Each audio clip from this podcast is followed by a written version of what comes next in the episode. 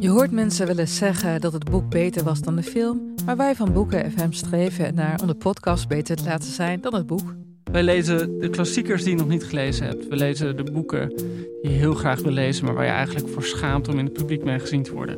We lezen de Libris-winnaars. Uh, we praten over de Nobelprijslariaten. Allemaal zoals je een etentje hebt dat je moeiteloos mee kan praten en dat het lijkt alsof je helemaal belezen bent. Wij zijn Ellen, Joost en Charlotte van Boeken FM en je kunt ons luisteren in je favoriete podcast-app.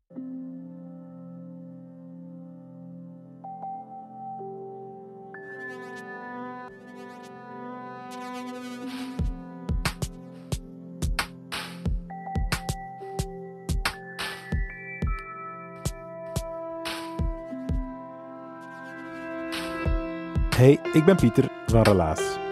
In Relaas hoor je waar gebeurde verhalen en die worden verteld door de mensen die ze zelf hebben meegemaakt. En je hebt van die mensen die echte pechvogels zijn. Eigenlijk zelfs wel een boek over kunnen schrijven. Dag maar, dat is er zo eentje. Soms gebeurt het heel dicht bij huis. Het kan daar even goed overkomen aan de andere kant van de wereld. En dan is het niet altijd evident.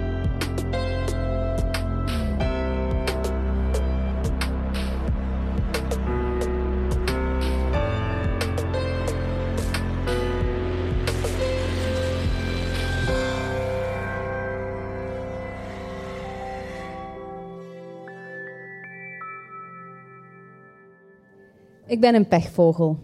En dat is oké. Ik ben dat eigenlijk van kleins af aan. Ik heb ooit als, uh, in de jeugdbeweging zelf een award gekregen voor grootste pechvogel. Ik stoot mij tegen van alles. Uh, ik laat dingen vallen. Uh, ik maak dingen kapot. ik heb altijd wel een blauwe plek. Ik val zelf heel veel. Ik vergeet dingen. ik ben onhandig.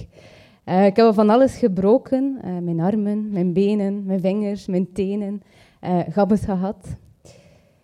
En het zit eigenlijk wat in mijn natuur. Uh, mijn broer en mijn zus zijn ook uh, uh, wat onhandig, maar het, ehm, het grootste deel heb ik gekregen van mijn papa.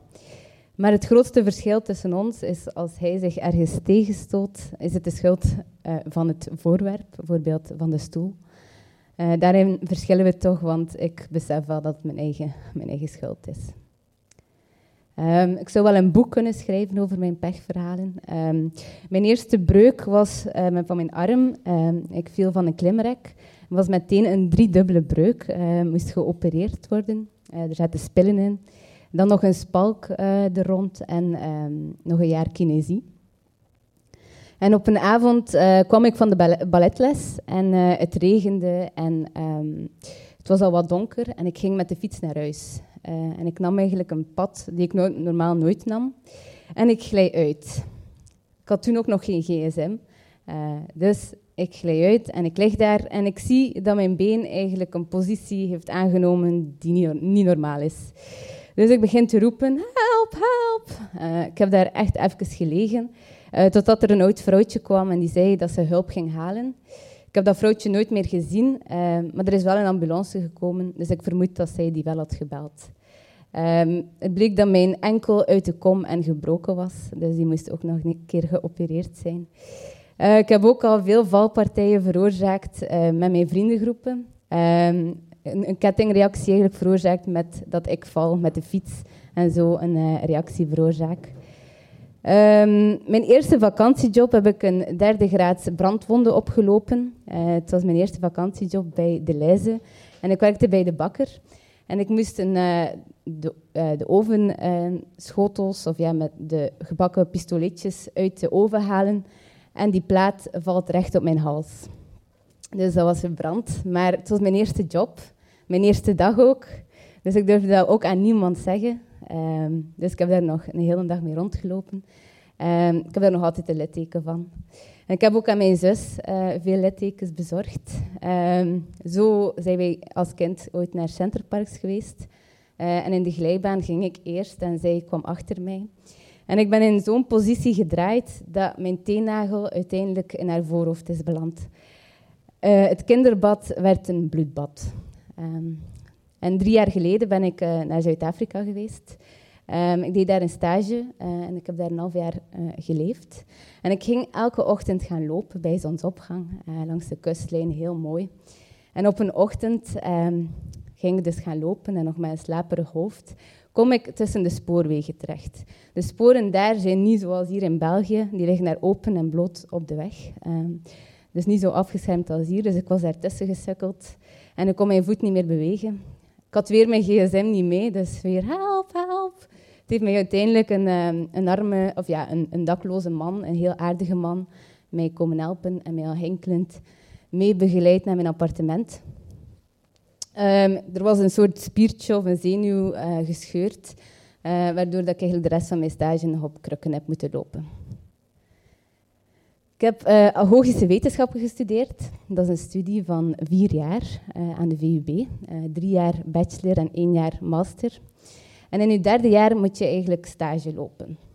Dat is gelinkt aan het profiel dat je gekozen hebt. ik heb culturele agogische wetenschap gestudeerd. Dus ik koos mijn stage in de theaterwereld. Het ding is, in je derde jaar mag je eigenlijk kiezen in welke periode je stage doet. Uh, eigenlijk wat dat er voor u het voordeligst is als student of voor de stageorganisatie uh, het voordeligst is. Dus ik had gekozen om mijn stage te doen in uh, de zomer van het tweede en derde jaar. Waarom had ik dat gedaan? Ik, ik, had toen wel redelijk hard faalangst. Dus ik had de gedachte, als ik het in de zomervakantie doe, dan mis ik zo weinig mogelijk lessen. Ehm, als ik in september terugkeer.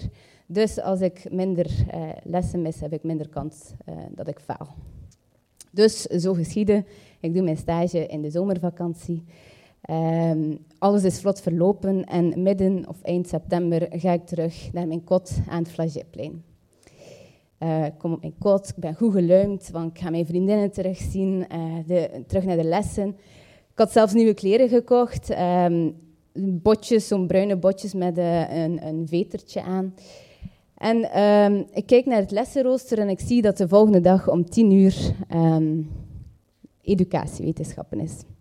Dus ik ga vroeg gaan slapen, uh, sta op tijd op, maak mij klaar en ga met de fiets naar de VUB. De VUB ligt op een helling. Uh, en als je van het station komt, is er een wandelpad naar de VUB op die helling. Dus ik fiets en ik merk dat er juist een trein moet toegekomen zijn, want er zijn een massa studenten die op dat wandelpad aan het wandelen zijn. Dus ik fiets daar wat tussen, probeer ze wat te ontwijken. De zon schijnt. Ik ben echt heel relaxed, want ik ben gelukkig dat ik terug mag. Uh, het gras is mooi groen, de, de bomen uh, staan in bloei, uh, oranje bloesems. Ik ben zeker op tijd, dus ik ben echt op mijn gemak. Totdat ik plots blokkeer. Ik kijk naar mijn voorwiel ik zie niets. Dus ik probeer verder te fietsen en vanaf dan gebeurt alles in slow motion. Ik, ik blokkeer opnieuw en ik kijk naar mijn achterwiel en ik zie dat het vetertje van mijn botje in mijn uh, achterwiel is terechtgeraakt. Dus ik vlieg over mijn stuur, maar op een of andere manier hou ik mijn stuur nog vast, waardoor dat mijn fiets meegaat in mijn koprol op de grond in het midden van het pad. Ik ben even van de wereld en als ik wakker word, zie ik allemaal studenten boven mij hangen. Ah, ça va, gaat het? Ah, dat zag er wat pijnlijk uit. Ai. En ik draai weer weg. Ik word weer wakker en ik zit in een vuilniskar. En naast mij zit een man. Een man met een grote baard en een fluo pak aan. En hij zegt, we gaan naar de dokter. Ik denk dat ik de enige student ben die kan zeggen dat ze met een uh, vuilniskarretje van de groendienst van de VUB naar de dokter is gebracht in de plaats van met een ambulance. Veel weet ik niet meer van die rit, want ik kom wakker en ik lig uh, op de praktijktafel van de dokter. Uh, ik ben weer bij volle bewustzijn en ze zegt, ja, toch wel een lichte hersenschudding, maar uw hoofd, dat zal goed gezwollen zijn. Een dikke neus, dikke ogen, alles blauw. dus ijs opleggen is de boodschap. Uh, ik kom buiten uh, bij de dokterspraktijk en ik zie dat het nog geen tien uur is, dus ik was, echt wel veel te vroeg. Um, en ik denk, oh, ik ga mijn vriendinnen bellen, die zullen nu wel op weg zijn naar de les. Uh, misschien kunnen ze wel zo'n icepack of zo voor mij regelen. Dus ik bel en het pakt niemand op, vreemd. En meerdere pogingen proberen, geef ik het op. En ga ik naar de studentenrestaurant van de VUB.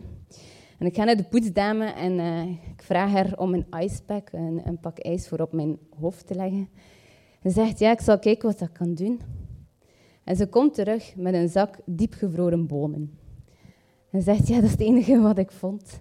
Um, ja, ik neem die zak bonen aan en ik leg die tegen mijn hoofd en um, ik ga gaan zitten aan een tafeltje eh, in het restaurant. De meeste normale mensen zouden nu gezegd hebben, ik ga naar huis, even bekomen van wat er juist gebeurd is. Maar ik denk, ideaal moment om aan mijn stageverslag te werken. Dus uh, ding was, mijn stageverslag was zo goed als klaar. Het was echt nog de puntjes op de i zetten, zo wat een beetje nalezen. Dus ik doe mijn computer open, ik start hem op en kreeg een, ik kreeg een blauw scherm met schemeringen. Ik begin zo wat hartklopping te krijgen, zo'n krop in mijn keel, wat zweet dan. Denk, fuck, mijn stage verslaan, ik heb dat nergens opgeslaan, dat moet volgende week binnen. Dus ik probeer nog een keer opnieuw dat blauw scherm. En zo wat harder, die, die krop in mijn keel, mijn zweet. En ik begin zo wat tranen in mijn ogen te krijgen. Dus ik, uh, ik bel naar mijn vriend, uh, die woonde toen in Gent. Uh, en echt in volle paniek. Van ja, mijn computer is kapot en mijn stage verslagen en moet volgende week binnen en ik heb geen tijd meer om dat te schrijven. En in volle paniek. Dus uh, hij kalmeerde mij en zei van, uh, dag maar, kom vanavond naar Gent. Um, ik zal ik die data van die computer nog kunnen overzetten op een andere computer. Zo mij wat geruststellen. Dus ik leg neer. Ik heb later beseft dat ik nooit had gezegd hoe dat mijn computer kapot was geraakt. Um, dus ja, nog altijd zo wat met een wrang gevoel over mijn stageverslag. En dan uh, belt Sylvia, mijn vriendin, zo rond 20 na 10. Ik dacht, die moet toch in de les zitten? Dus ik neem op. Ja, uh, ik was nog aan het slapen. Uh, voor wat heb je gebeld? En ik dacht, aan het slapen, het is toch les? Ah ja, nee, die is afgelast. Sorry, had ik dat niet gezegd? Oh my god.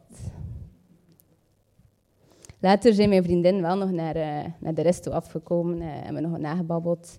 Ben ik nog medicatie gaan halen die de dokter had voorgeschreven om de zwelling tegen te gaan en de pijn wat te verlichten. Dan heb ik de trein genomen naar Gent en dan de bus naar het kot van mijn vriend. En als ik op de bus stap, realiseer ik mij dat ik die medicatie ben vergeten op de trein. Ik begin zo gewoon te lachen. En ik steek de, de oortjes van mijn iPod in mijn oren en ik luister naar muziek. Dank u wel.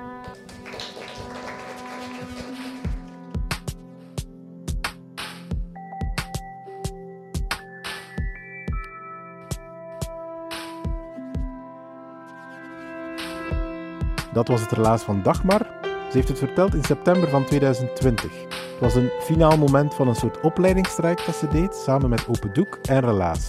Een opleiding tot verhalenverteller, of een opleiding om je eigen verhaal te vertellen. Evita, dat is de coach die alles heeft geregeld, die vertelt zelf hoe dat in elkaar zat, dat coachingtraject. Tijdens de workshop Storytelling, een samenwerking tussen Relaas en Open Doek, lag de focus op het vertellen van een waargebeurd verhaal. We zijn gestart met het grasduinen in ons eigen leven en we zijn om te beginnen op zoek gegaan naar anekdotes of zelfs mijlpalen in ons leven die voldoende ingrediënten hebben waarmee je als verteller leuke dingen kan gaan doen. Bijvoorbeeld springen er nog opmerkelijke beelden voor je ogen wanneer je uh, terugdenkt aan dat verhaal. Um, kan je het ook nog vlot linken aan je eigen emotie, um, zonder dat je er al te veel nog in verdwijnt. Uh, met andere woorden, kan je nog voldoende afstand nemen ook van het verhaal. Vertel nooit een uh, verhaal vanuit een open wonde. Relaas is het dankzij de afdeling cultuur van de Vlaamse gemeenschap en die van de stad Gent. Onze partners, dat zijn Husset, de Hopzak, Pulp Deluxe Urgent en Chase. En wij zijn een hele groep vrijwilligers, dat weet je, die elke week podcasts maken, events organiseren of organiseerden. Die nu ook boeken schrijven en verkopen, Facebook-postjes maken, allemaal uit liefde voor het verhaal. Dankjewel om in dat verhaal te blijven geloven trouwens. En oh ja, by the way, Relaas maakt ook deel uit van het podcastgezelschap Luister. Dat is luisteren met een Y. Als je dus nieuwe interessante verhalende podcast zoekt, dan moet je zeker eens op hun website gaan luisteren.